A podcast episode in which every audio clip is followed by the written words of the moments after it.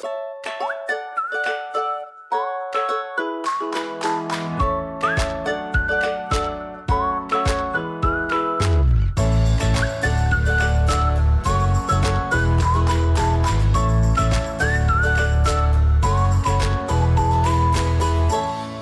allemaal en welkom bij een nieuwe aflevering van de Wat ik wou dat ik wist podcast. De podcast waarin ik deel wat ik wel eerder had willen weten en verhalen vertel waar jij je hopelijk in herkent.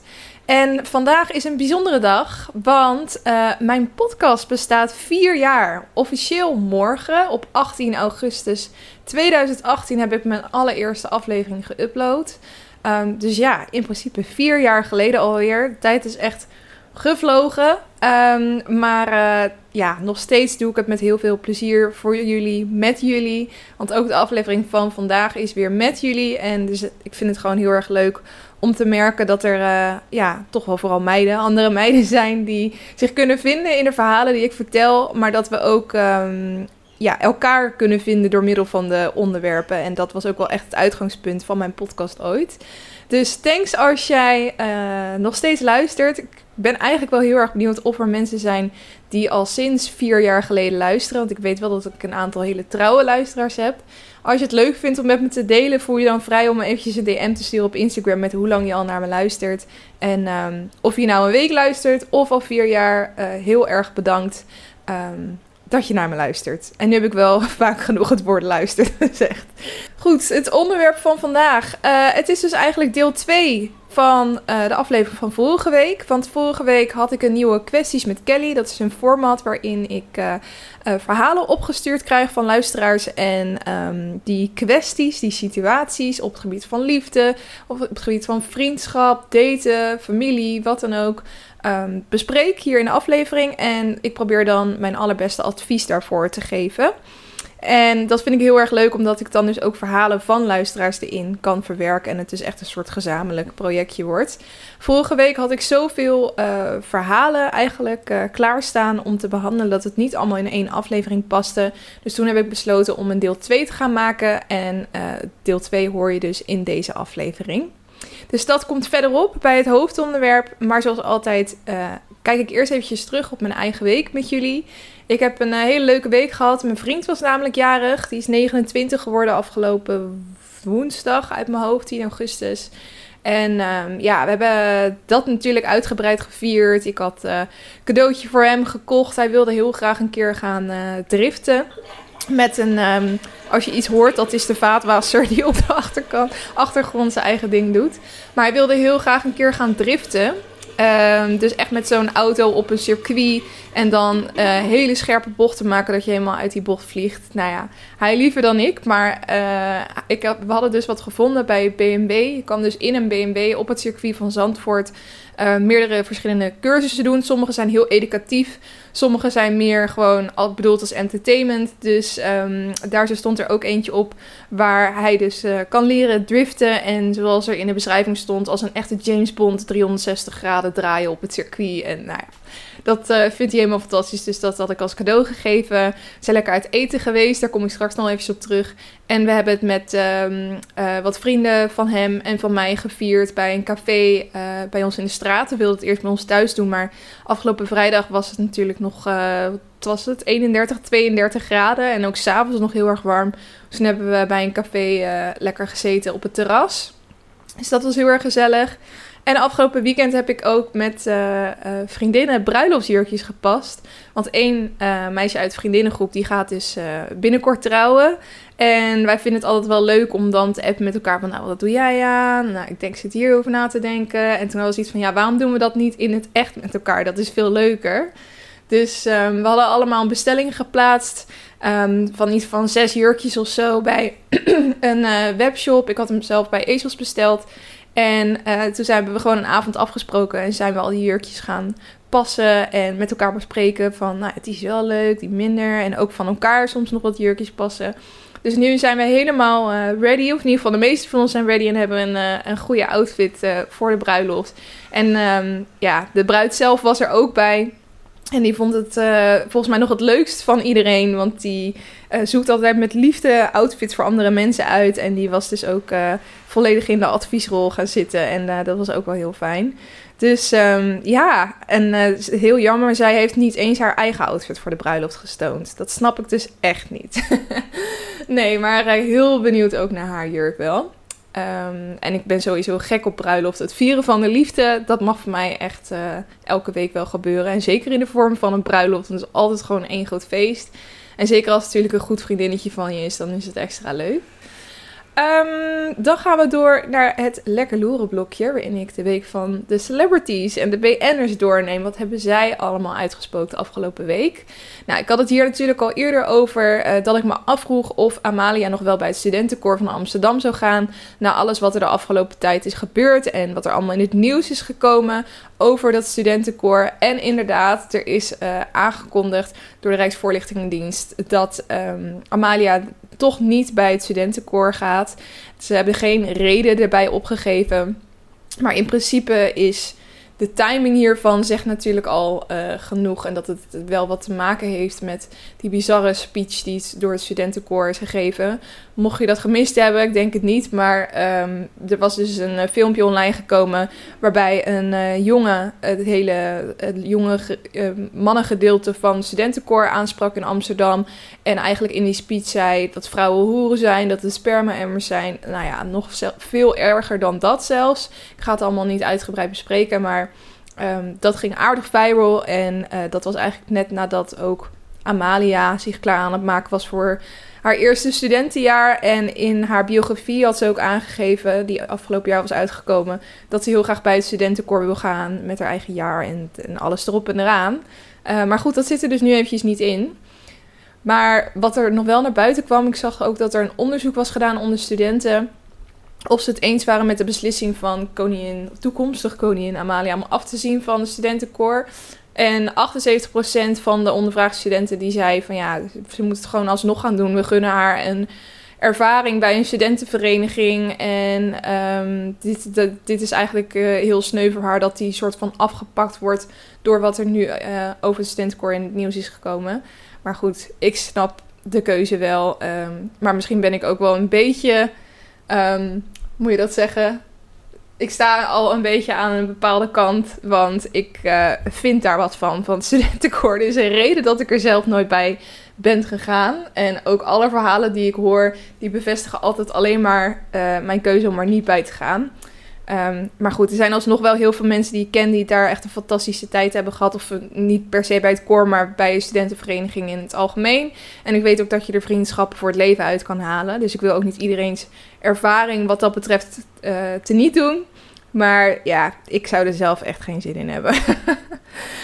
um, dat over Amalia. Dan gaan we door naar Dries Roelvink. Dries Roelvink, hier heb ik het nog niet eens over gehad. Maar er gaat al een tijdje een filmpje van Dries Roelvink viral. Wat zijn eigen zoon heeft geüpload. Waarin je hem in Marbella wijn ziet drinken. Bij een restaurant. En dat doet hij zo met overgave. Um, zo overdreven dat ja, mensen zijn het aan het imiteren. Mensen zijn het belachelijk aan het maken. Mensen zijn er hun eigen versies van aan het maken. Nou, het gaat helemaal los. Um, want je ziet hem daar dus een... Uh, uh, eerst eventjes een slok water nemen. Je kent het toch dat als een ober bij je tafel gaat staan um, om de wijn te laten zien. En dan schenkt hij een klein beetje in, zodat je kan proeven of er kurk in zit. Nou ja, dat is in principe, uh, kan je dat binnen 10 seconden gedaan hebben. Nee, hij gaat eerst even een slokje van zijn water nemen. Hij gaat eventjes ruiken aan de wijn. Hij gaat de fles inspecteren. Dan walst hij het ook nog eventjes. En dan neemt hij een slokje ervan. Nou, nog eventjes nippen, even goed proeven. En als hij dan enthousiast is, dan geeft hij die man ook een hand. En nou ja, het is enorm overdreven. En uh, dat is natuurlijk ook waarom het zo erg viral gaat. Maar goed, Dries Roelvink zou Dries Roelvink niet zijn als hij niet gelijk gebruik maakt van zijn moment of fame, zijn stukje aandacht. Dus wat heeft hij gedaan? Hij heeft nu een eigen wijnnummer uitgebracht. Uh, samen met de bankzitters. die zijn die, uh, die YouTubers die ook al wel meerdere muziek hebben gemaakt. En het nummer heet Fantastico. En um, ik zag ook dat er verschillende wijnflessen uitgestuurd waren als soort PR-stunt. En ja, hij gaat natuurlijk helemaal in op. En ik vind het ook wel een soort grappige combinatie. Dries Roelvink met de bankzitters. Uh, en ja, het is gewoon een catchy nummer. En ik vind het op zich wel... Ik kan het ook wel weer op prijs stellen vanuit een ondernemers point of view. Dat uh, je eigenlijk zo'n momentje gelijk exporteert tot iets waar jij zelf weer inkomsten uit kan halen. Dat doet hij gewoon slim. ja, je kan er niks anders over zeggen. Het is gewoon wel slim. Um, en ik, ik blijf het gewoon echt zo'n man vinden die niets kwaad doet. Die echt wel weet dat mensen hem gewoon uh, hilarisch vinden en hem eigenlijk een beetje uitlachen. Maar ik denk, lach maar, want ik ben uiteindelijk degene die lacht. Want ik krijg er heerlijk veel inkomsten en aandacht uit.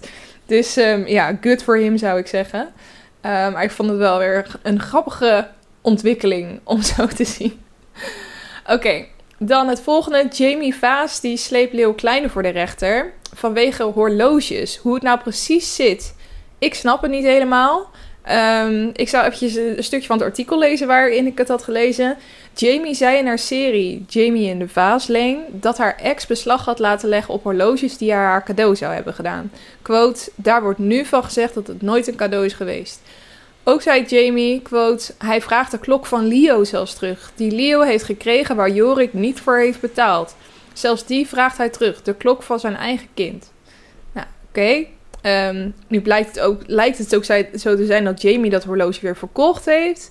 Volgens de advocaat van Jamie loopt de procedure al enkele maanden en konden partijen eerst schriftelijk op elkaar reageren voordat de zaak op een zitting uitkomt. De advocaat van Leeuw Kleine liet al eerder weten niet te willen reageren. We hebben ervoor gekozen om radio stil te houden in de zaak. Nou ja, uh, de, de horloges die waren eerst wel een cadeau en toen was het toch geen cadeau. En nu heeft hij hem teruggevraagd van Leo, maar zij had hem weer verkocht. Ik, uh, ik vind het allemaal een vaag verhaal. Maar voor uh, Jamie was het wel genoeg reden om hem voor de rechter te slepen. Dus ik ben heel erg benieuwd hoe dit verder gaat. Um, ik, ik, ik volg het ook niet helemaal, want ik zou denken... jij hebt toch veel heftigere dingen waarvoor je hem voor de rechter kan slepen. Maar misschien is dat dan weer een losse rechtszaak en lopen er inmiddels meerdere rechtszaken rond uh, om dit hele debakel tussen hun tweeën. Ondertussen zag ik ook weer een filmpje dat zij met een andere gast, met een goede vriend van haar, een soort relatie is gestart. Maar ook nog niet helemaal. Um, ja, het is, het is allemaal wat. Misschien moet ik vaker haar reality-serie gaan kijken, want daar gebeurt volgens mij een hele hoop in. maar ik heb al zoveel reality-series die ik kijk, dus misschien ook maar niet. Um, dan tot slot het laatste. De familie Hazes, die was weer eens in het nieuws.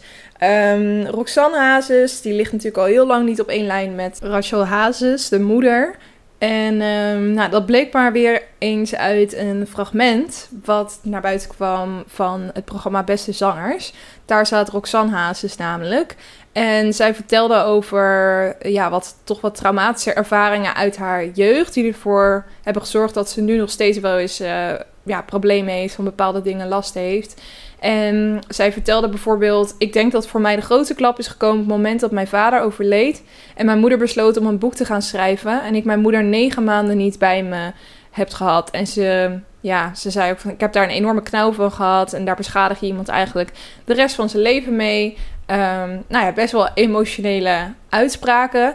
En wat er toen is gebeurd is niet geheel verrassend um, zijn uh, moeder Hazes en uh, broertje Hazes uh, eventjes gaan spuien op social media. Dus um, Rachel Hazes die had op haar Instagram gepost dat ze het ongelooflijk vond wat ze zag. En um, dat iemand zo over haar kon praten, bla bla bla. En daar had André ook weer op gereageerd van...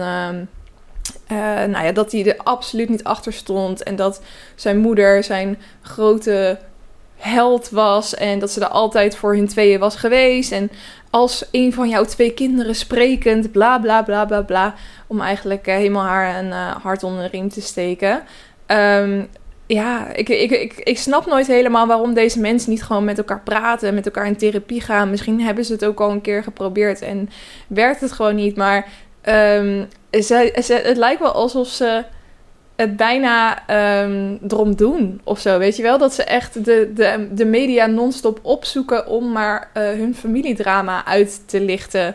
En dat vind ik vooral een beetje sneu. Want ik denk van ja, volgens mij hebben jullie wel allemaal carrières waar je op kan richten. Roxanne en Andrea hebben allebei een, uh, een uh, een uh, zangcarrière. Rachel Hazes heeft volgens mij een soort eigen tea-bar een, uh, met bubble teas in een winkelcentrum. Nou, die zal ook wel eigen projectjes hebben, maar toch is het blijkbaar wel nodig voor hun om elke keer weer opnieuw uh, de media op te zoeken. En ze vinden het dan, zeg maar, dat is één ding, maar dat je dan ook nog je familie daar non-stop in meetrekt. wat ik echt heel leuk zou vinden is als zij gewoon heel hun leven al een uh, acteerrol spelen. Dat ze denken van oké, um, we hebben dan en dan hebben we weer een belangrijke release. Dus we moeten weer eventjes in de media komen. Oké, dan gaan we nu dit en dit acteren. Maar het stomme is, het zijn geen acteurs en actrices. Dit is gewoon hun echte leven wat ze non-stop in de schijnwerpers gooien. En dat um, ja, begrijp ik gewoon niet altijd waarom je dat zou willen. Maar uh, misschien zijn zij daarom ook celebrities of BN'ers en ik niet. dat zou kunnen en dat vind ik helemaal prima. Oké, dan gaan we door naar het Lekker Leven blokje waarin ik allerlei tips geef om jouw leven leuker en lekkerder te maken. Ik heb een paar dingetjes weggehouden uit, mijn, uh, uit het doornemen van mijn week. Want ik heb afgelopen week drie dingen gedaan die ik echt wil tippen om te gaan doen. Dus um, ik heb drie doetips voor je deze week. Ten eerste eten bij Soju Bar in Rotterdam of in Amsterdam. Um, dat hebben we namelijk al tijdens Niels' verjaardag gedaan. S'avonds zijn we... Ik vroeg aan hem van wat, wat wil je doen met eten op je verjaardag? Toen zei hij eerst McDonald's. Toen zei ik nou, uh, zullen we iets leukers gaan doen? Naar een tentje toe of zo, iets leuks in Amsterdam. Oh ja, wacht. De Soji Bar is net geopend in Amsterdam. Bij Kennedy van Rotterdam. En het is een, uh, uh, ja, een Koreaanse fried chicken tent. En um, als je naar die tent gaat, dan waan je je ook echt een beetje in Korea. Het is echt heel vet aangekleed van binnen met ook neonlichten aan de muren en zo. En um, waar ze dus bekend om staan is hun gefrituurde kip. En die kan je met allerlei verschillende marinades bestellen. En um, het is echt mega lekker, super crunchy. Nou, je, je likt je vingers er gewoon bij af. Um, ik moet zeggen, na een paar kippetjes zit ik altijd best wel vol. Maar wat ze ook hebben is een goodie bag. Of hoe zeg je dat? Geen goodie bag, maar een uh, doggy bag. dus wat je overhoudt kan je vaak ook weer mee naar huis nemen. Wat ik altijd heel fijn vind bij tenten als ze dat aanbieden. En um, wat ook wel heel leuk is, de Koreanen die staan ook wel bekend om de drankspelletjes die ze allemaal doen. En ze hebben daar dus ook uh, soju shots. Dus uh, soju zelf, dat woord, dat staat eigenlijk voor liqueur. Um, en je kan dus allerlei verschillende liqueurtjes of soju uh, bestellen daar. En dat komt in allerlei verschillende smaken. Vaak allemaal een beetje fruitige smaakjes. Dus je kan appelsoju bestellen of perensoju. Nou, welke smaak je dan ook maar wil. En die kan je er gewoon als sterke drank shotten als je dat zou willen. Maar je kan ook een biertje erbij bestellen. Dan komen ze dus naar je toe en dan zetten ze het bierglas voor je neer en dan leggen ze daar twee stokjes op. En op die twee stokjes balanceren ze een shotje. Het is een shotje soju dus, die jij hebt uitgekozen. En wat je dan moet doen is heel hard met je vuist op tafel slaan, zodat het shotje in het glas bier valt.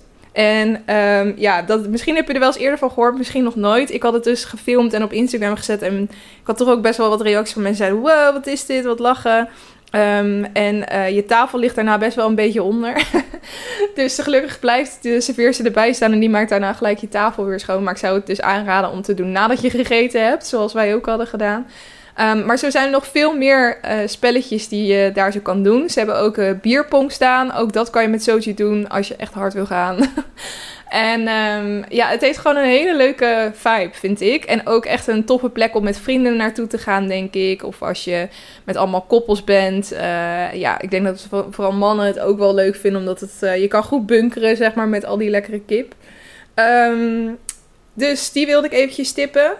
Dus ga naar Soju Bar in Rotterdam of in Amsterdam. Um, dan heb ik ook nog een andere doetip. En dat is Amaze. Um, dit was een verrassing voor mij. Het was iets wat ik een keer op TikTok voorbij had zien komen en aan Niels had laten zien. Dat heeft hij toen heel goed onthouden. En ik was het zelf alweer helemaal vergeten. En hij heeft stiekem kaartjes gekocht. Um, want hij weet dat ik heel erg van verrassingen hou. Dus um, hij had gezegd van, nou ja, zaterdag hebben we nog niks te doen. Ehm, dan uh, moet je hem eventjes vrij houden en dan gaan we iets leuks doen. Dan heb ik een verrassing. Nou, dan maak je me echt super blij mee.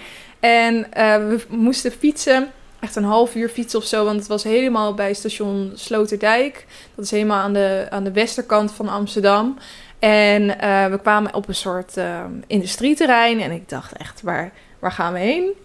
ik, snap, ik snap echt niet wat hier in godsnaam kan zitten.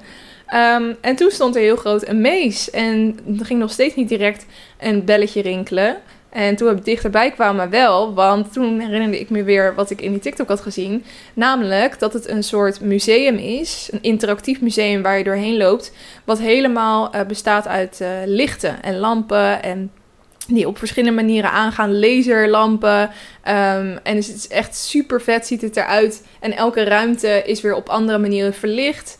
Um, je kon ook op, uh, in verschillende kamers kon je uh, dan zelf bijvoorbeeld de lichten en de lampen en het geluid besturen. Het is best wel, je wordt er echt in meegenomen. Je hebt ook een soort eigen groepje waarmee je naar binnen gaat. Er staat dan iemand klaar die super bijzonder is geschilderd, zijn gezicht en een pakje aan heeft. Die dan uitlegt van, nou ja, jullie gaan uh, het hol van Amaze in. En Amaze is de stem die je hoort. En die begeleidt jou ook door het museum heen. En um, ja, uh, dit is jullie leider. Dus we moesten dan een leider aanwijzen. En die ging dan voorop. En elke keer als er dan een doorgang oranje werd, dan kon je naar de volgende kamer toe. Dus dat hebben we eigenlijk uh, ja, zo gedaan. En um, elke kamer was weer een verrassing. En zo indrukwekkend en mooi. En ik ben ook naar Remastered in Rotterdam geweest. Daar heb ik ook wel eens in de podcast over verteld. Dat is ook met... Um, lampen en voornamelijk kunst. Die wordt geprojecteerd uh, om je heen in verschillende kamers. Die dan ook transformeren tot weer andere kunstwerken. Um, en ik vond dit misschien nog wel vetter dan dat. Dit is ook wel iets meer mijn stijl. Uh, ik heb ook wat minder met kunst. Niels die vond die uh, met kunst remastered in Rotterdam dan weer heel erg vet. We hebben ook een keer zoiets in Japan gedaan toen we daar waren. En dat was nog veel vetter dan dit. Maar goed, ik verwacht niet dat iemand denkt: oh, nou tof, ga ik dan eventjes naar Japan toe.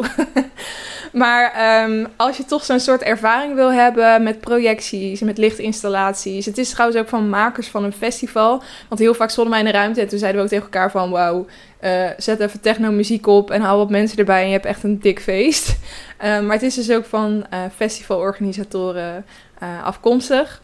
Um, maar als je dit wat lijkt, het heet dus een mees en het zit in Amsterdam bij station Sloterdijk in de buurt. En um, ja, het is je geld echt waard. Ik vond het een hele toffe ervaring. We hadden het uh, op zaterdag gedaan toen het ook nog zo heel erg warm was. En eigenlijk was het wel lekker, want ze hadden een klein beetje airco uh, binnen. Dus um, dat was eigenlijk uh, alsnog best wel goed gepland. Dus dat is toetip nummer 2. En dan nog toetip nummer 3. En dat is om naar de parade te gaan in Amsterdam. Je moet er wel snel bij zijn, want de parade is natuurlijk een rondreizend uh, theater- en cabaretfestival. En ze staan altijd als laatste in Amsterdam. Dus er zijn al wat grote steden langs gegaan. Dus je kan ook alleen nog in Amsterdam. Volgens mij is het nog anderhalve week zoiets. Um, en um, ja, ik vind het echt uh, altijd super leuk. Ik ga er altijd heen. En het was dus alweer twee jaar geleden dat ik was geweest. Mocht je het nog helemaal niet kennen, de parade is dus een rondreizend uh, festival. En um, het bestaat zowel uit plekjes waar je kan eten en drinken. Heel veel foodtentjes. En een wijnbar en een gin tonic bar. maar dus ook, en daar draait het eigenlijk om, allemaal circus tenten die over het terrein verspreid staan, waarin dus um, ja, theatervoorstellingen plaatsvinden. En die zijn maar een half uurtje lang en je koopt ter plekke tickets.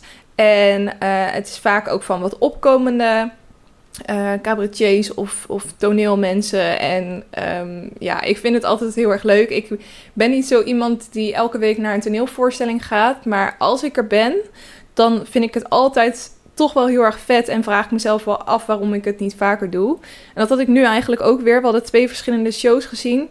De eerste was wel apart, want het was een show die eigenlijk met twee mensen zou moeten zijn. En er stond maar één iemand op het podium. Die begon toen uit te leggen dat degene met wie die show zou doen van de aardbodem was verdwenen zonder te vertellen waarom die weg was gegaan. En dat hij er ook geen contact mee meer kon krijgen. Dat vond ik zo'n raar verhaal dat ik dacht, dit is onderdeel van de show. Die persoon komt straks binnenlopen. Maar dat bleek dus niet het geval te zijn. En het was eigenlijk gewoon een soort um, ja, monoloog wat rechtstreeks uit zijn eigen dagboek had kunnen komen over deze hele situatie dat zijn beste vriend hem dus had verlaten terwijl ze die show samen zouden gaan doen.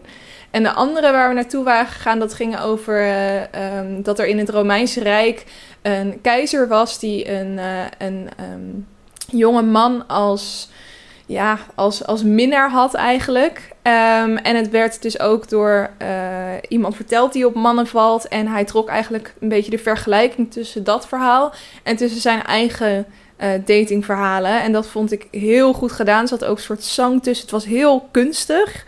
Um, waarvan ik niet had verwacht dat ik dat leuk zou vinden.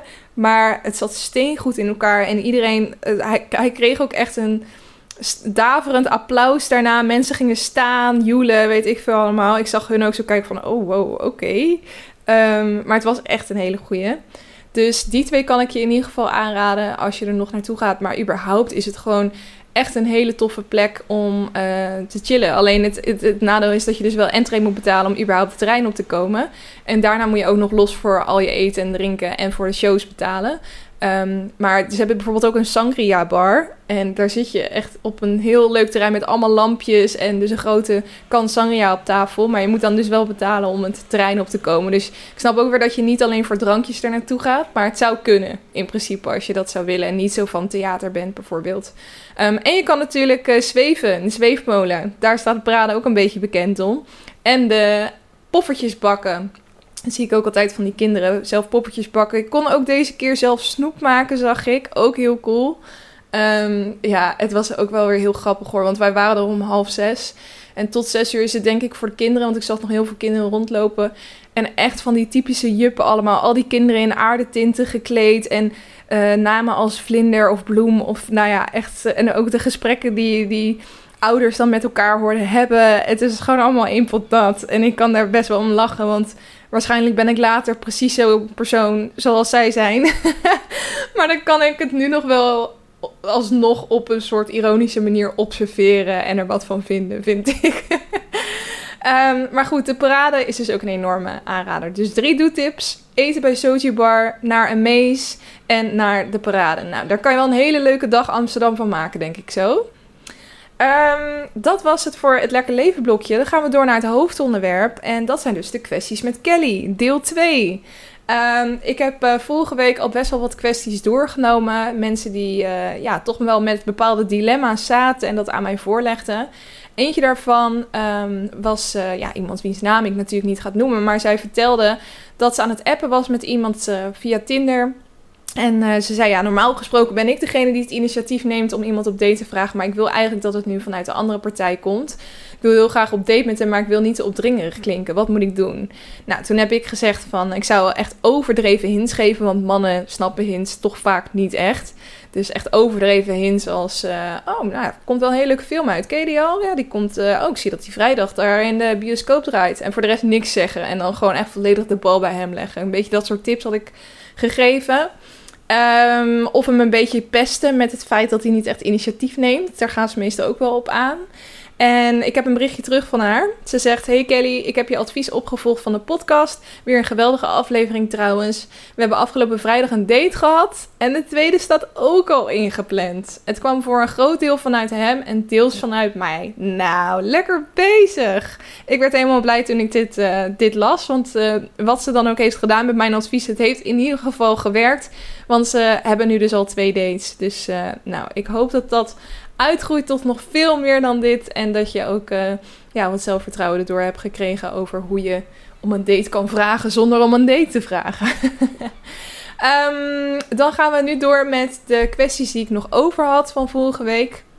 En uh, ja, laten we gewoon lekker gaan beginnen met het eerste verhaal. Um, hallo, ik hoop dat dit niet te lang of te verwarrend is. Voor een half jaar ben ik in een soort van relatie geweest met een vriend. We waren nog net niet officieel, omdat hij nog met één twijfel zat: de afstand. Recent heb ik te horen gekregen dat een lange afstandsrelatie toch niks voor hem is en ben ik dus afgewezen. Het doet me ontzettend veel pijn, maar ik heb het vrij snel laten gaan, omdat ik uit eerdere ervaringen geleerd heb.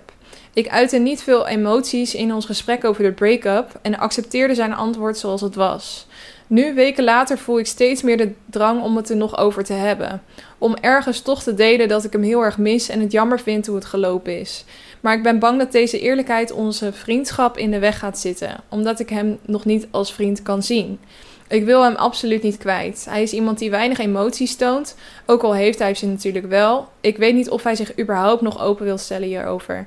Mijn adviesvraag zou zijn: zou ik eerlijk zijn en er toch nog over praten om mijn onuitgesproken gevoelens nog één keer te delen? Of kan ik dit beter zelf verwerken op een andere manier om een hopelijk mogelijke vriendschap toch nog mogelijk te maken? Vrienden zijn is moeilijk, maar hij is altijd een heel belangrijk persoon in mijn leven geweest en ik wil dat echt niet zomaar kwijt. Ja, nou, ehm, je geeft zelf wel aan van ik wil eigenlijk, ik vind het, ik, ik wil ook wel vechten voor een vriendschap, maar in de situatie waar ik nu in zit, kan ik niet zomaar vrienden met hem zijn. En ik denk dat dat al antwoord genoeg is op jouw vraag. Dat ook al zou je misschien ehm, overwegen om jouw gevoelens niet uit te spreken en uh, een vriendschap tussen aanhalingstekens te starten, gaat dat nooit de vriendschap zijn Um, of in ieder geval niet de relaxte vriendschap zijn die je misschien voor ogen hebt. Omdat jij altijd nog die uitgesproken, onuitgesproken gevoelens zal hebben. Dus ik denk dat je niet anders kan dan ze eerst uh, met elkaar bespreken. En ik denk dat je ook prima zo'n gesprek kan hebben zonder dat het. Um, direct iets uh, wordt als van of we gaan uh, voor de liefde of we hebben helemaal niks. Ik denk dat alsnog, als je ook al zo dat gesprek hebt gehad, dat je alsnog wel daarop uit kan komen van, nou ja, het is beter om vrienden te zijn en dat je dan ook echt die vriendschap gaat hebben. Um, dus ik zou toch adviseren om er wel een gesprek over te hebben. Ook misschien omdat je wellicht het idee hebt dat je niet die, ja, echt gevoelens heb getoond tijdens die break-up. Waardoor hij misschien ook wel het idee heeft gekregen dat jij het allemaal wel prima vindt. Terwijl je het eigenlijk helemaal niet prima vindt. Dus ik denk dat het wel goed is dat hij dat weet. Ik zou het niet um, te vol overgave doen. Omdat hij natuurlijk al een beetje heeft geuit hoe hij erin staat. En niet voor zover ik weet, um, iets heeft laten merken dat zijn gevoel daarover is veranderd. Dus je kan er niet van uitgaan dat ook hij weer wil waar jij naar verlangt. Dus ik zou wel uh, voorzichtig te sprake brengen. Um, en gewoon zo zeggen van, joh, trouwens, ik heb nog eventjes over nagedacht over uh, hoe het nou de afgelopen tijd gegaan. En ik wil wel dat je weet dat ik, het, uh, dat, dat ik het alsnog wel jammer vind dat we er niet meer van hebben kunnen maken. En dat ik er altijd voor open sta, mocht je toch nog interesse in hebben. Want um, ja, ik heb in dat gesprek misschien niet volledig laten zien hoe jammer ik het eigenlijk vind dat we dat niet kunnen doen. En ik wilde dat toch nogmaals uh, met jou delen. Um, dat je dat in ieder geval weet. Dat uh, uh, ja, ik dat toch wel jammer vond. Um, maar dat dat niks eraan afdoet dat ik je nog steeds als persoon in mijn leven wil hebben. Wat jouw keuze, dat, wat dat onderwerp betreft, dan ook is. En meer een beetje op die manier dat zou ik denk ik doen. Dat, dat lijkt mij het, het slimste in deze situatie. En uh, ja, hopen natuurlijk dat hij dan zegt: Nou, uh, ik hoopte al dat jij op deze manier toch nog over zou beginnen, want ik mis jou ook heel erg. Um, dat kan een reactie zijn. Of hij zegt: um, Goed dat je het alsnog aangeeft, maar ik sta achter mijn keuze en ik wil geen lange afstandsrelatie. Ik zou me wel voorbereiden als ik jou was op die reactie, dat die zou kunnen komen. En dat je die ook weet te incasseren op zo'n moment. Um, en uh, dan door kan gaan, hopelijk als vrienden. Want volgens mij wil je hem wel heel graag in je leven houden, als ik het zo hoor. Um, dus dat je in ieder geval je achterhoofd houdt van hè, het kan twee kanten op gaan en allebei is goed. Um, maar dan heb ik in ieder geval duidelijkheid voor mezelf. Dan heb ik in ieder geval alles op tafel gelegd. En dan kunnen we met een schone lei verder. Hoe dat dan ook zal zijn als vrienden of mogelijke liefdes van elkaar. Dus ik hoop dat je daar wat aan hebt. En heel veel succes. Als je me een update wil geven over je situatie, dan is dat heel erg welkom. Dat vond ik bij de vorige persoon heel erg leuk in ieder geval. Um, maar voel je ook niet uh, bedrukt om dat per se te doen als je daar geen zin in hebt. Oké, dan de volgende. Dat is eigenlijk niet echt een verhaal. Het was meer een, uh, een vraag, een wanhopige uitspatting.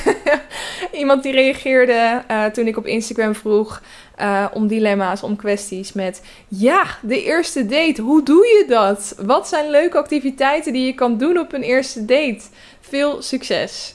Ehm, ja, er zijn uh, ontzettend veel leuke dingen die je kan doen op een date. Ik denk dat het ook heel erg afhankelijk is van wat je zelf fijn vindt. Vind je het fijn om uh, in een rustige situatie te zijn waarbij je kan focussen op het gesprek, om elkaar echt goed te leren kennen? Dan zou ik je toch aanraden om naar een uh, café of een restaurant te gaan. Mijn voorkeur zou er zelf naar uitgaan om eerst een drankje te doen en niet direct een drie gangen diner, zeg maar, te gaan doen, omdat je dan um, nog iets makkelijker het kan afkappen als het toch niks ja, toch gewoon niks blijft te zijn. Dat weet je vaak toch al vrij snel. Um, maar als je meer op zoek bent naar een date waarbij je iets aan het doen bent terwijl je elkaar leert kennen, wat ik zelf ook altijd heel erg leuk vind, want het is toch altijd wel een beetje ongemakkelijk zo'n eerste date. Um, en dan heb je in ieder geval iets waar ja, dat je dat je een beetje afgeleid kan zijn en ondertussen wel met elkaar kan praten. Dan zou ik iets gaan doen als ja, de Mama Man podcast heeft natuurlijk altijd over dat uh, zij op een eerste date gaan uh, glow golfen. Dus midget golf, uh, glow in the dark versie. Ik vind dat oprecht best wel een leuk idee. Dat je dan dat aan het doen bent. Hoeft natuurlijk niet glow in the dark te zijn. Je kan gewoon ook überhaupt gaan midget golfen. Um, maar bijvoorbeeld de parade, zoiets vind ik ook heel erg leuk. Het enige is, ik stelde het ook voor aan een vriendinnetje die afgelopen week een date had. En die zei, ja, ik weet niet of ik dat wil, want tijdens zo'n show zit je dan, uh, kan je dan niet met elkaar praten. Dan zit je allebei alleen maar ergens naar te kijken. Dus dan heb je niet zoveel aan die tijd die je dan met elkaar doorbrengt. Maar ik denk wel dat het leuke gesprekstof kan opleveren. Die je daarna weer kan bespreken onder het genot van een sangria of zo. Maar um, een maze. Een maze is eigenlijk super leuk voor een eerste date. Gewoon een soort interactief museum. Hoeft niet eens met lichtinstallaties te zijn. Um, kan natuurlijk ook over iets anders gaan wat jullie allebei heel interessant of leuk vinden. Uh, dat vind ik een goede. Um, maar ook bijvoorbeeld een uh, spelletjescafé of een poolcafé. Ik ben al een aantal keer met uh, vriendinnen in Amsterdam bij een poolbar geweest. En dat is echt mega leuk. En ook al bak je er niks van, dan kan je natuurlijk alsnog vragen als hij het wel goed kan of hij eventjes wil helpen. En dan komt hij zo romantisch achter je staan en nou, je ziet het wel eens in films. dan heb je dat ook weer erbij. Um, dus ik zou zoiets doen, denk ik. Ik denk dat ik dat zelf het leukste zou vinden op een eerste date. Iets wat niet te uh, intens is. Um, en iets waarbij je dus een beetje ja, iets gaat doen waardoor je afgeleid wordt. Oh, de Tonton Club is ook heel leuk. Daar heb je ook allemaal van die, uh, van die spelletjes die je kan doen. En dan kan je ook heel lekker eten en drinken. Ik zie daar ook altijd als ik daar ben mensen op een eerste date. Um, wel een beetje een bekende locatie voor een eerste date. Maar misschien juist daarom wel fijn dat je niet de enige bent die daar zit te wachten op een date. um, dat zijn mijn, uh, mijn tips. Oké, volgende verhaal. Weer een wat langer verhaal. Dit is iemand die zegt dat ze al jaren met plezier naar de podcast luistert. En dat lekker bezig ben. Ah, oh, lief. Dankjewel. Um, maar ze heeft even een ding. Oké. Hou je vast, want het is een lang verhaal. Sinds de middelbare school zit ik bij een vriendinnengroep van zeven meiden. Vaak super fijn, al kan ik het met de een wat beter stellen dan de ander. Een aantal jaren terug waren er wat meer andere meiden bij de groep, wat uitliep tot een ruzie. Ik heb de hele groep toen een paar jaar niet gesproken, maar ik ben nu alweer een jaar of vijf oké bij de groep. Nu is er één meid in het speciaal waarvan ik op dit moment merk dat onze principes steeds verder uit elkaar beginnen te groeien. De rest van de vriendinnengroep heeft het minder, maar ik erger me er heel erg aan. Zij is naar een grote stad verhuisd en woont een eind verder weg dan wij, waardoor we haar minder vaak zien. Maar ik voel ook niet de behoefte om contact te onderhouden. Ik merk dat als we samen zijn, ik me zo erger dat het ten koste gaat van de sfeer van de groep en de leuke avonden samen. Tegelijk heb ik de afgelopen jaren echt geleerd voor mezelf te kiezen als mensen niet meer bij me passen. Voor jouw beeldvorming, de principes die uit elkaar liggen zijn onder andere het schelden met kanker en boos worden op mensen die niks verkeerd doen. Zoals vanmiddag een verkeersregelaar die zijn werk deed waar zij het niet mee eens was. Het feit dat ze over heel, heel veel over geld praat en vaak benoemt dat ze extreem rechts is zonder dat mensen daarnaar vragen. Wat vind jij dat ik moet doen? Moet ik contact onderhouden en mijn onderbuikgevoel aan de kant zetten? Want ik merk dat ze anderen ook graag plaagt met nare opmerkingen en ik mezelf aanpas en meedoe, terwijl ik mezelf helemaal niet leuk vind op die manier. Of moet ik de vriendschap beëindigen ten koste van een groep? Ik ben benieuwd. Heel veel liefs.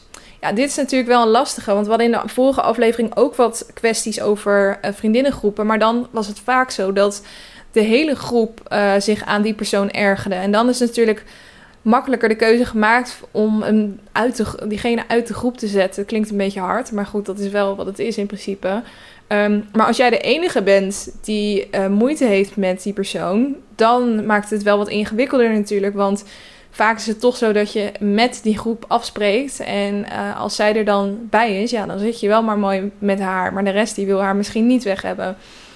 Ik uh, ben wel benieuwd in hoeverre jij andere mensen daarover gesproken hebt.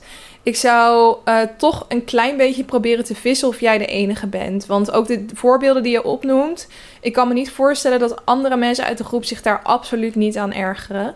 Um, en ik denk dat misschien heb je het wel eens in, in, aan meerdere mensen tegelijk gevraagd. En dat ze dan zoiets hebben van: oh nee, ik wil vooral niet beschuldigd worden als degene die iemand uit de vriendinnengroep wil werken.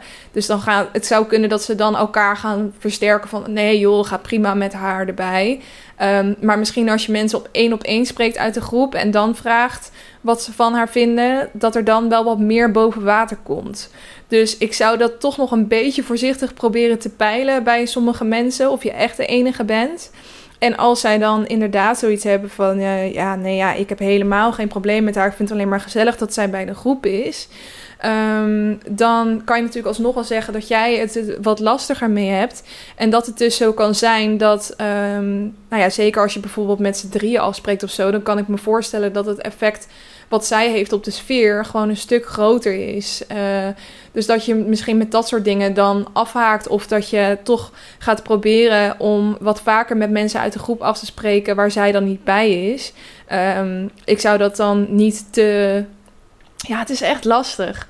Want ik, ik wilde zeggen.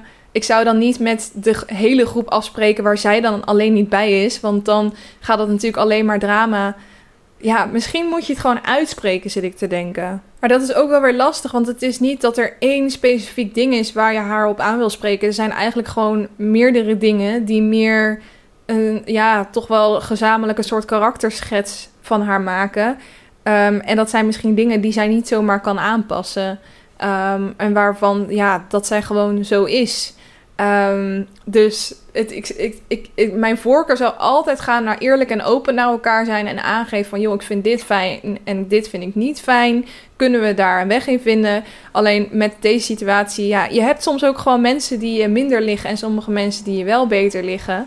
Dus misschien is het toch ook maar beter om dan um, voor jezelf gewoon de juiste keuzes te maken. Dat op het moment dat uh, je echt eventjes genoeg van haar hebt gehad, dat je dan een keer past op een avondje waar zij bij is. En dat je dan gewoon een andere keer wat leuks gaat doen als zij er niet bij is. Dat je op die manier toch maar een beetje je weg in de vriendengroep uh, moet vinden. Um, mits het zo is dat iedereen haar voor de rest dus wel heel leuk vindt. Ik zou dat wel echt eerst eventjes, uh, eventjes checken. En ja, ik hoop dat je eruit komt, want ja, het is gewoon een lastige situatie. En um, er gaat sowieso iets gebeuren. Ik zou wel proberen dat er. Je wil misschien niet dat er iets gebeurt, maar verder gaan met de situatie zoals het nu is, dat gaat jou uh, mentaal gezien denk ik niet verder helpen. En je moet toch ook, altijd wel aan jezelf blijven denken. Dus uh, heel veel succes. Ik hoop dat je eruit komt. Um, ik hoop wel dat ook dat er misschien meiden zijn die nu luisteren en denken van nee, ze moeten het op die manier aanpakken. DM dat dan naar mij toe en dan stuur ik het door naar het meisje die dit verhaal heeft ingestuurd. Dan kunnen we haar gezamenlijk een beetje helpen, want ik vind deze ook wel heel erg lastig. Oké, we gaan door naar uh, de volgende kwestie. Um, ik ben altijd degene die als eerst appt bij een goede vriend. Ik vraag altijd om af te spreken en begin een gesprek. Nu bericht ik niet en hoor ik dus ook niets meer van diegene. Drie maanden al. Hoe zou jij daarmee omgaan? Het irriteert mij enorm en ik voel mij niet waardevol voor hem als vriendin. Geen liefdesrelatie, by the way. Ik wil eigenlijk een abonnement op een sportschool afsluiten, want ik wil meer sporten. Maar ik ben zo bang dat ik er te weinig gebruik van ga maken en dat het uiteindelijk weggegooid geld is. Hoe voorkom ik dit? Uh, ik denk dat dit twee verschillende kwesties zijn, want ze sluiten niet helemaal op elkaar aan. Laten we beginnen met de eerste. Dus zij appt vaak naar een goede vriend om af te spreken, maar hij nodigt haar uh, nooit uit om af te spreken. Uh, en ze hoort dus ook daar niks van. Um, ja, ik moet zeggen dat ik ook wel bepaalde vriendschappen heb waar ik het uh, prima vind om elkaar bijvoorbeeld één keer in de twee maanden te spreken. En ik merk dat diegene het wel weer fijner vindt om vaker af te spreken.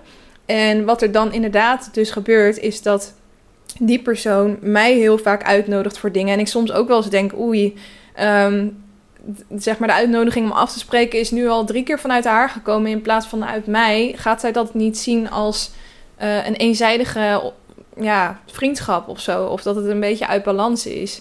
Ehm, en dan, ik, ik had toen ook wel zoiets van, oei, moet ik me daar niet schuldig over voelen? Dat ik minder vaak behoefte heb om met haar af te spreken uh, dan andersom. Maar ik denk dat het ook gewoon, uh, ja, dat je verschillende soorten vriendschappen hebt.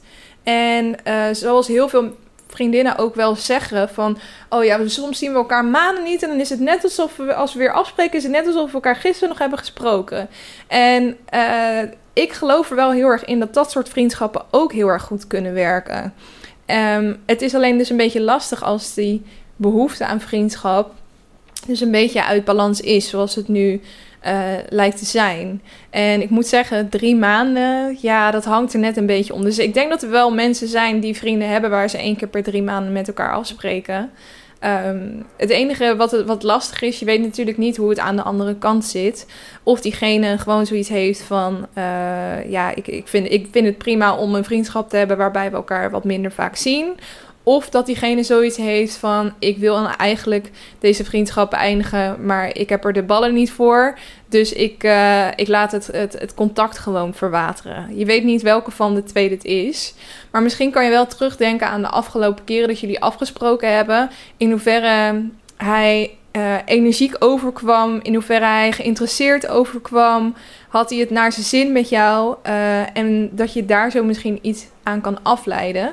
Um, en als je zoiets hebt van, nou, volgens mij uh, was dat helemaal niet zo. En kwam het eigenlijk allemaal van mij en ook op toen we afspraken zelf.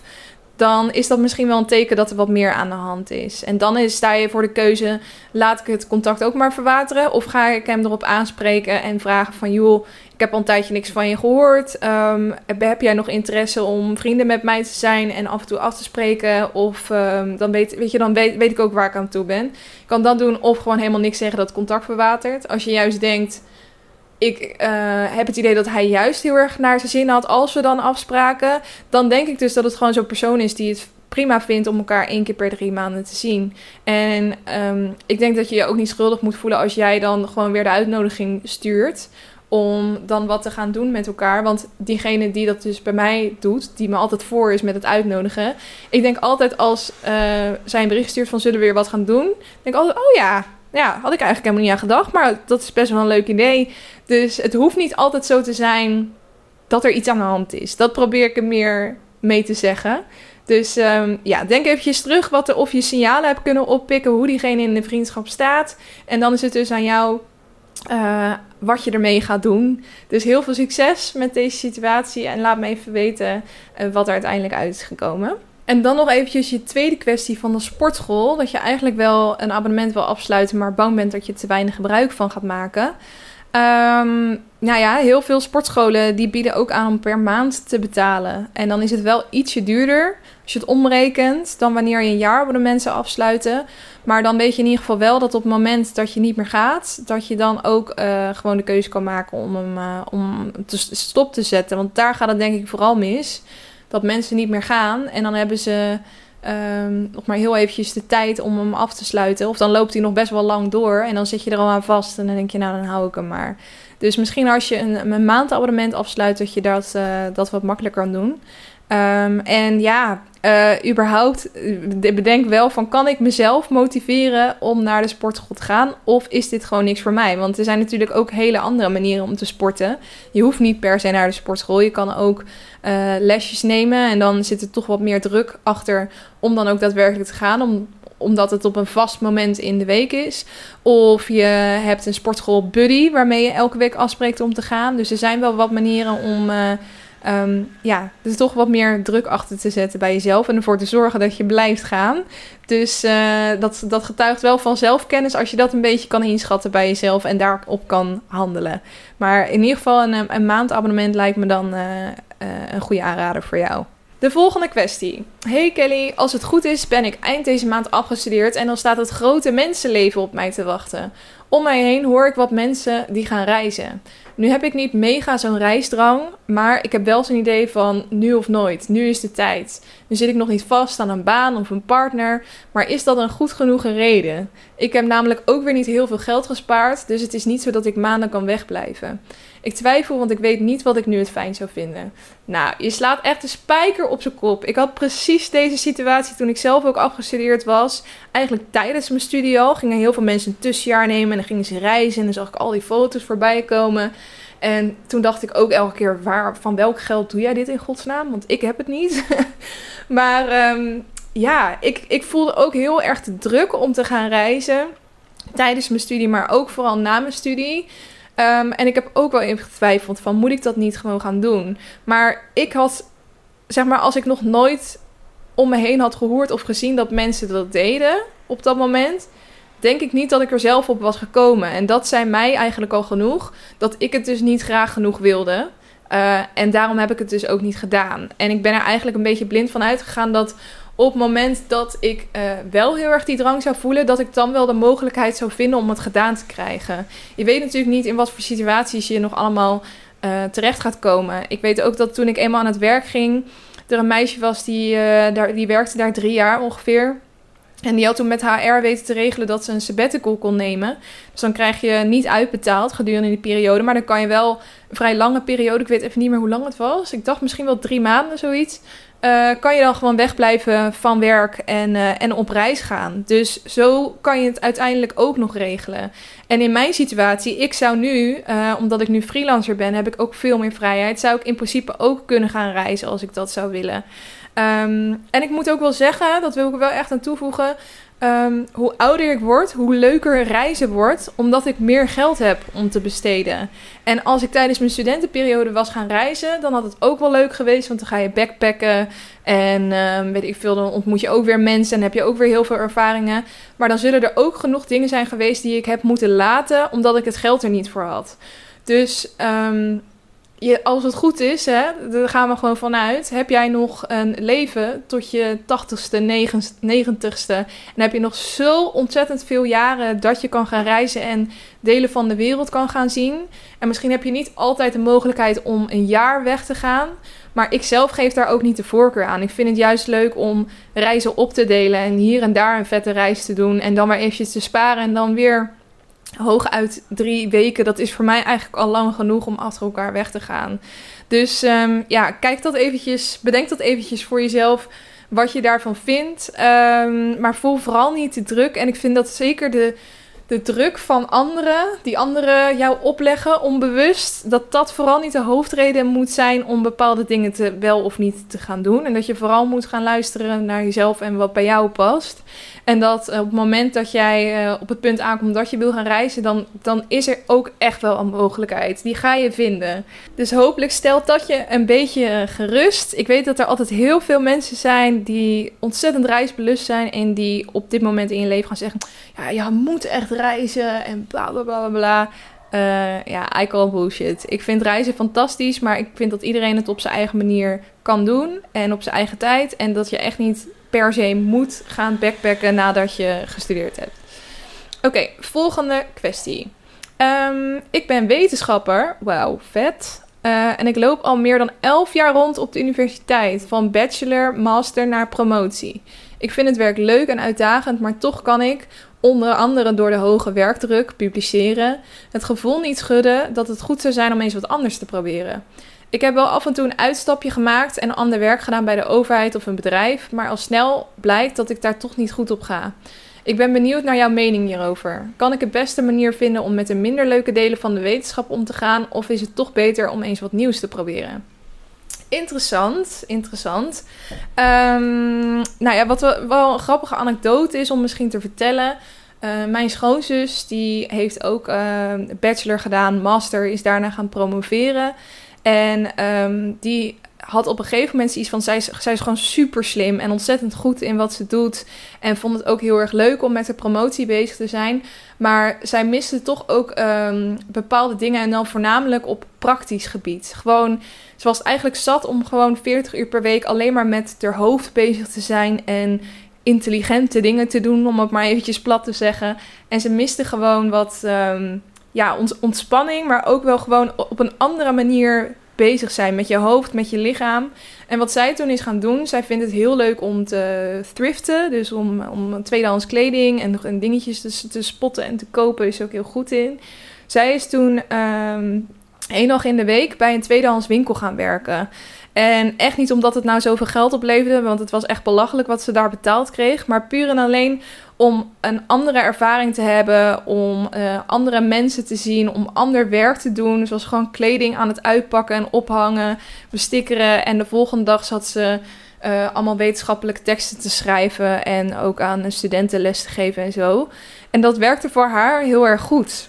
Um, en ik vond dat zo cool dat ze dat was gaan doen. Want dan, daarmee kan je echt zeggen van ja, ik heb er gewoon scheid aan van hoe het plaatje hoort. Ik ga gewoon naar mezelf luisteren en ik vind dat leuk, dus ik ga dat doen.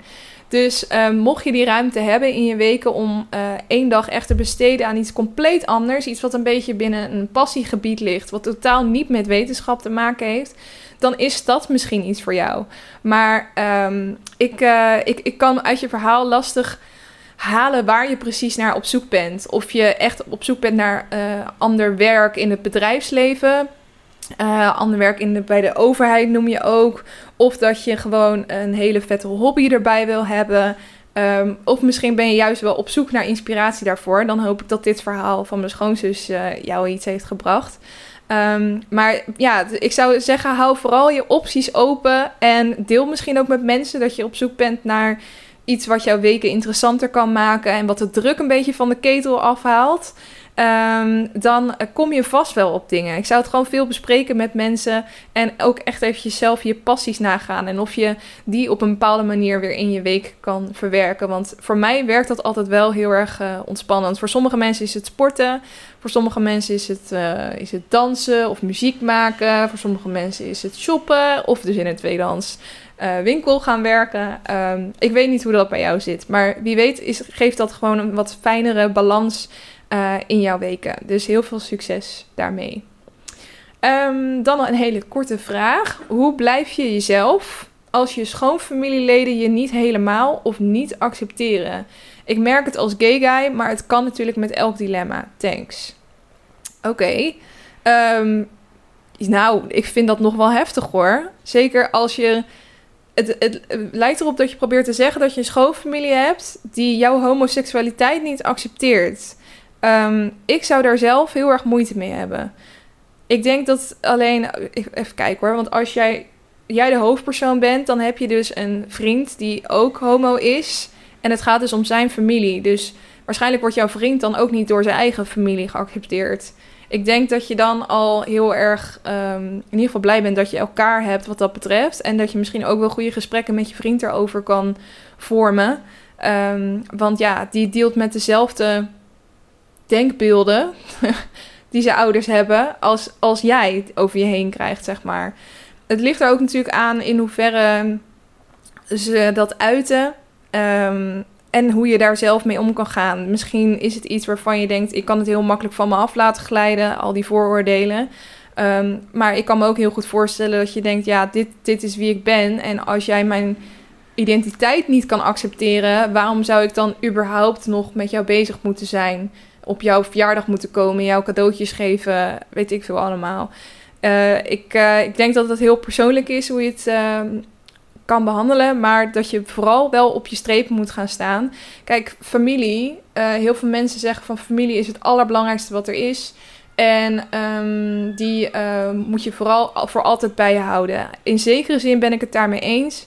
Maar ik heb ook wel gezien dat niemand is natuurlijk perfect, maar dat er altijd uh, familie, en ik heb het nu niet over een persoonlijke situatie, maar ook van wat je op tv wil ziet of verhalen die je online leest dat er soms echt mensen zijn die bepaalde denkbeelden hebben die zo ver afstaan van wie jij bent en hoe jij denkt.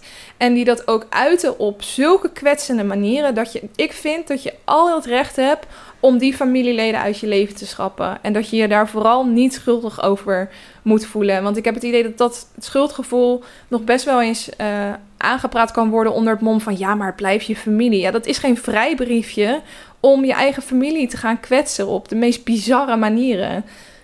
dus nogmaals, ik weet natuurlijk niet precies wat er aan de hand is en in hoeverre zij jou kwetsen en ze jouw vriend kwetsen. Maar blijf vooral op je strepen staan en luisteren naar uh, wat jij nodig hebt. En als dat niet iets is wat zij kunnen bieden, uh, ja, wees dan ook uh, dapper genoeg om de juiste keuzes te maken, zou ik zeggen. Um, ja, en, en überhaupt, jij geeft aan van het kan met elk dilemma. Als je een schoonfamilie hebt die jou niet accepteert, om wat voor reden dan ook, dan vind ik toch ook wel dat de verantwoordelijkheid enigszins bij je vriend of vriendin ligt. Want het is zijn slash haar familie. Um, en hij, diegene heeft ervoor gekozen om met jou uh, zijn leven te delen. En um, dan vind ik ook dat hij best wel zijn familie erop aan mag spreken als ze jou niet uh, ja, accepteren of dat op een vervelende manier naar jou uiten.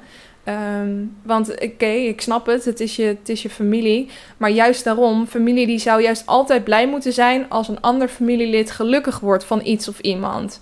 En uh, op het moment dat zij dat zien van, hè, dit, nou, uh, mijn broertje of mijn, mijn zoon uh, is ontzettend gelukkig met haar, maar ik mag haar niet, dan vind ik dat best wel egoïstisch om dan die persoon niet te accepteren. Tuurlijk, je mag er wat van vinden, maar uiteindelijk zou het geluk van jouw zoon, broertje, whatever, uh, alsnog voorop moeten staan. Dus ik heb daar dan automatisch al een beetje problemen mee, om heel eerlijk te zijn. Um, maar ik snap ook wel dat bij zeg maar niet accepteren of niet helemaal accepteren. Um, versus um, je schoonmoeder maakt af en toe een rare opmerking. Daar zit natuurlijk heel veel ruimte tussen.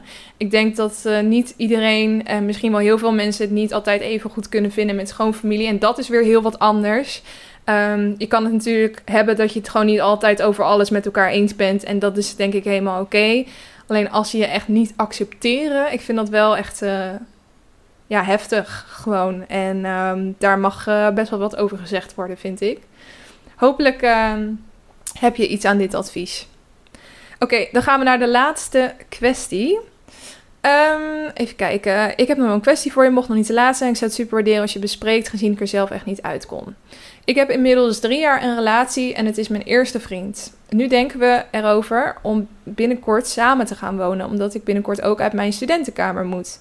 Nu heb ik wel wat twijfels. De relatie is op veel vlakken heel goed. Ik kan alles met hem bespreken. We kunnen het super goed vinden en hij is gewoon mijn beste vriend. Een connectie die ik nog nooit eerder zo heb meegemaakt. Aan de andere kant vraag ik me af of er genoeg aantrekkingskracht is. De liefde is er, maar de verliefdheid niet. Daarnaast vraag ik me af of ik niet liever dicht bij mijn familie in Groningen zou wonen. Hij wil absoluut hier in de buurt in Rotterdam blijven, onder andere om ook straks voor zijn ouders te kunnen zorgen. Een latrelatie kan natuurlijk een tijdelijke oplossing zijn, maar niet op de lange termijn. Ik ben er nog niet over uit of dat is wat ik wil, maar als ik dat wil, zou nu het beste moment zijn gezien ik bijna klaar ben met mijn studie en een baan ga zoeken. Wat denk je en heb je tips? Oeh, oké, meerdere dingen die ik wil zeggen. Um, ten eerste, je hebt drie jaar een relatie. Je uh, hebt liefde met elkaar, maar de verliefdheid is er niet. Dan ben ik heel erg benieuwd, is de verliefdheid er wel heel erg in het begin geweest? Want het is wel gewoon zo dat relaties gedurende de tijd veranderen. Ik had ook de eerste jaren met mijn vriend dat ik echt mega verliefd was. Dat ik als ik hem zag, kreeg ik vlinders in mijn buik. En uh, werd ik helemaal een beetje soort, soort van zenuwachtig zelfs. Ook omdat ik niet wist dat ging gebeuren. nu ken ik hem zo door en door. En alsnog kan ik als hij, als hij binnenkomt helemaal blij worden. Maar het zijn andere gevoelens. En ik zie dat niet per se als een uh, verslechtering van mijn gevoelens. Misschien juist een versterking. Want het zit wat dieper allemaal. Het is wat minder oppervlakkig. Uh, en ik vind dat eigenlijk wel een, een fijne plek uh, om te zijn, omdat het ook wel toont dat er heel veel vertrouwen is tussen ons. Want um, juist omdat we elkaar dus nu volledig kennen, um, betekent dat ook wel dat we alle kanten aan elkaar hebben kunnen laten zien. En ik denk dat de verandering van je gevoelens daar een beetje bij hoort. Dus um, dat is punt 1. Het hoeft niet slecht te zijn dat je nu meer spreekt van liefde dan verliefdheid. Al moet je natuurlijk wel elkaar nog steeds heel erg aantrekkelijk vinden en het met elkaar willen doen en zo.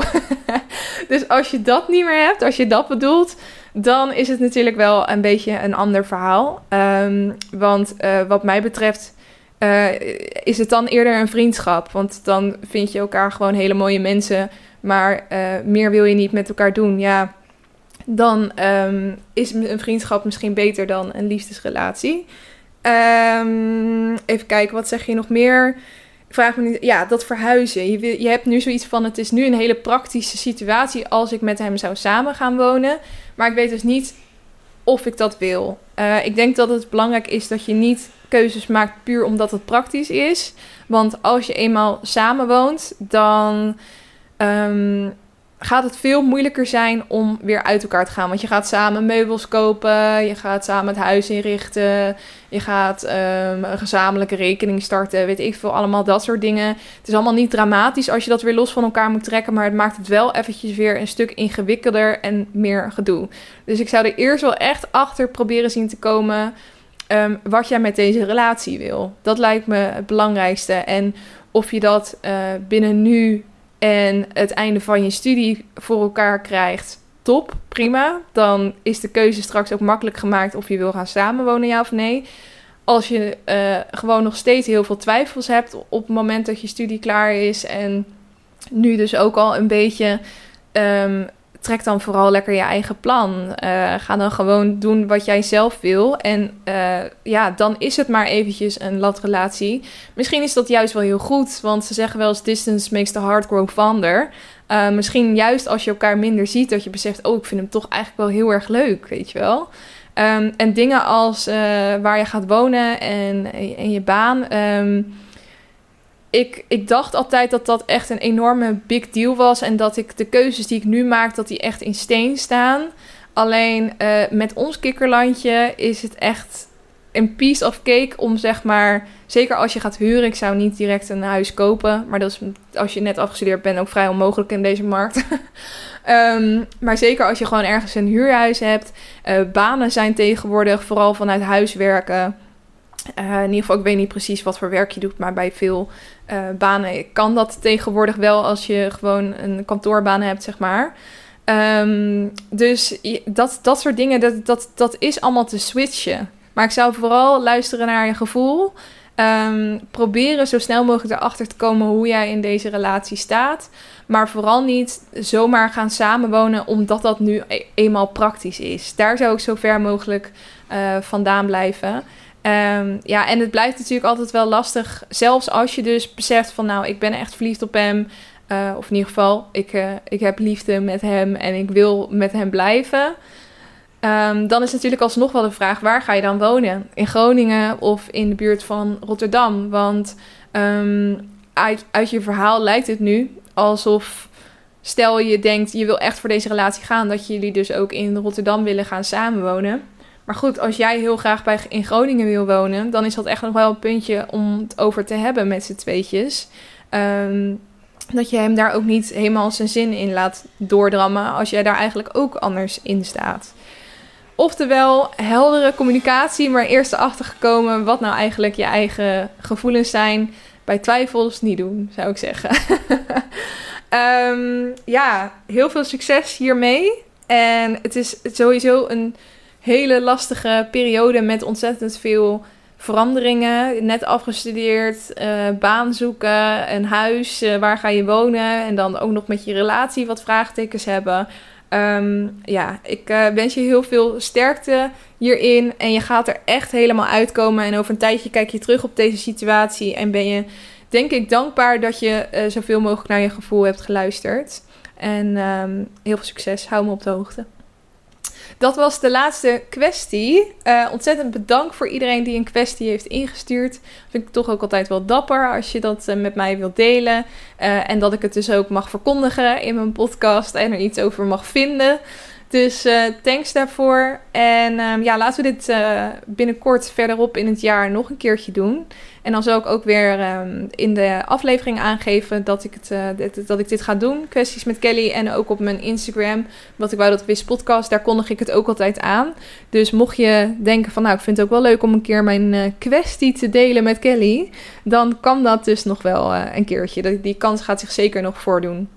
Dus um, ja, thanks voor het luisteren allemaal naar zowel deel 1 als deel 2 van Kwesties met Kelly. En um, thanks voor het luisteren überhaupt naar deze podcast, want hè, vier jaar. En ik hoop dat je er volgende week ook weer gezellig bij bent. Dus tot dan, doei doei!